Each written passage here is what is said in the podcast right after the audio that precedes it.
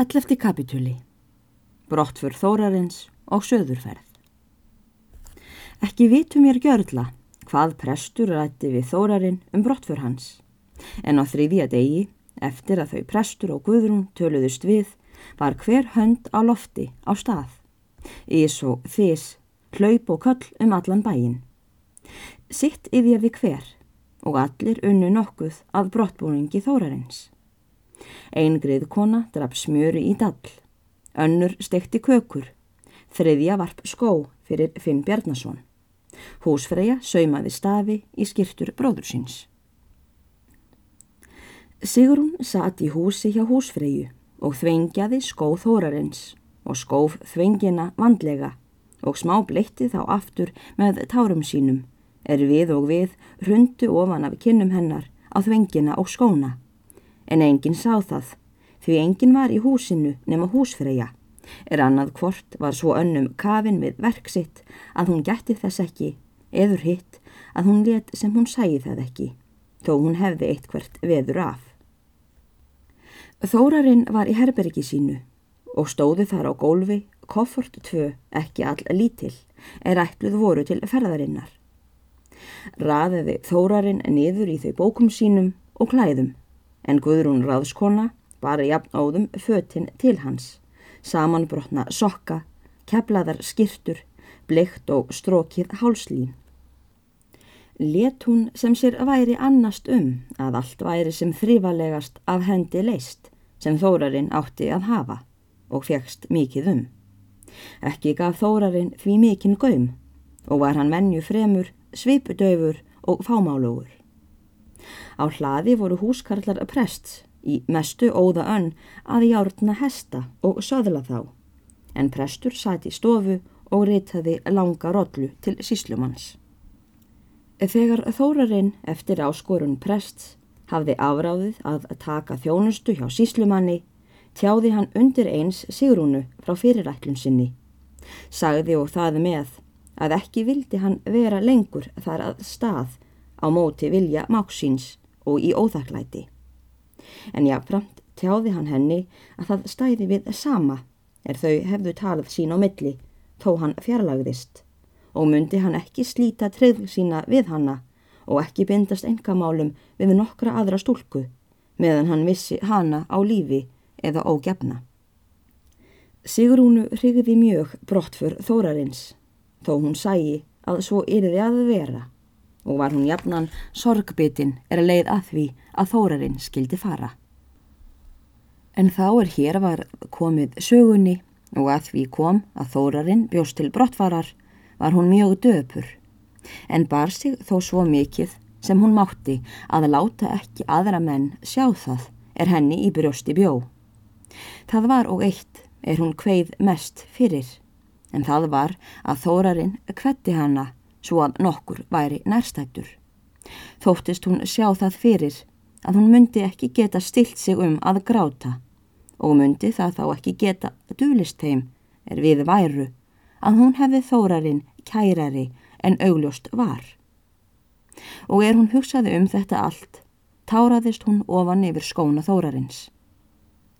Þó réðist betur úr þessu en áhorðist í fyrstu. Þegar Sigrún hafði þvengjað skóna og snotrað þá sem henni líkaði, gengur hún til prestskonu og fær henni þá. Þakkar húsferðja henni fyrir og segir henni að færa þórarni þá. Verður henni þá um leið litið framann í Sigrúnu og sér að hún er dapureig mjög og með því hún vissi nokkuð tilum samdrátt þeirra þórarins skilur hún brátt hver orsök muni til vera.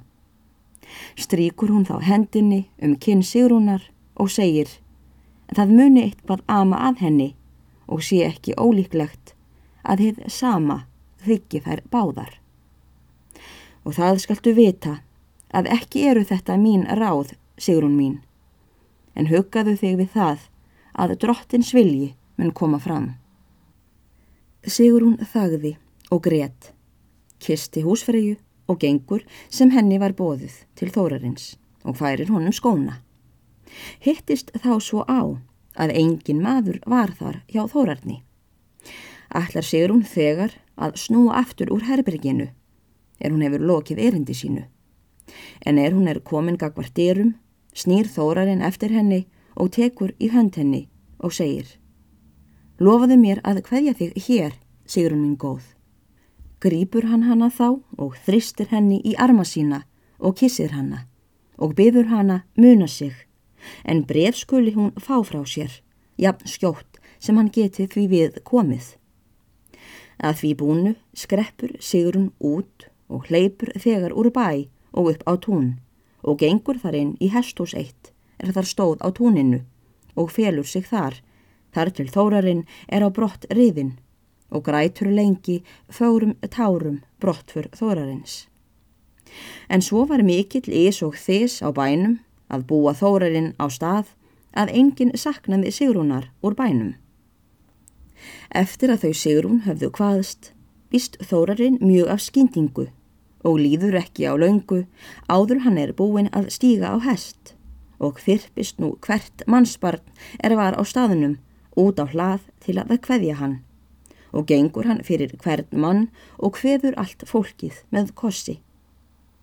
Byði hann allir heilan fara og gladan aftur koma, því þórarinn var svo vel þokkaður að það nálega unnu honum allir hugástum.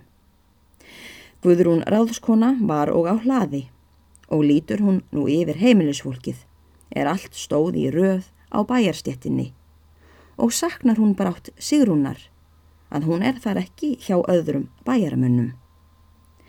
Tekur þá Guðrún svo til orða og all kímilega, svo þórarinn mátti vel heyra mál hennar, er hann stóð all nærri. Er jungfrú Sigrún hér ekki? Líklegast vill þó þórarinn hveðja hana eins og aðra.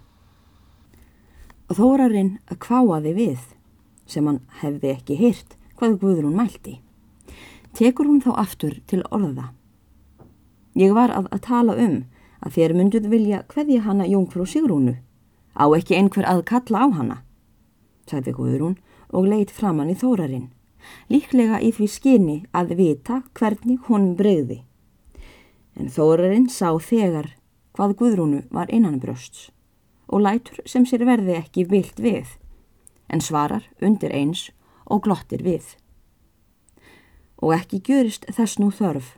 Það veru nóg að þér berið henni hverju mína og munið þér þá eftir að segja að ég byrði ástsamlega að hilsa henni. Þegar þórarinn hafði þetta sagt, hveður hann Guðrúnu og minnist við sístur sína og máksinn og skiljast þau öll með henni mestu blíðu. Stígur þórarinn á hestsinn og er þá Finnur Bjarnason, fylgdaramadur hans, farin skamt út í túntraðirnar og í því þórarinn keirir hestsinn úr hlaði, tekur hann ofan svo sem til þess síðast að kasta kveðju á fólkið allt saman. Raðar fólkið sér þá í þyrpingu á stjettinni en það vissi áður eftir undirlægi prests hvað framskildi fara. Tekur prestur ofan skotthófu sína er hann var vanur að hafa heima og syngur þórarinn úr gardi.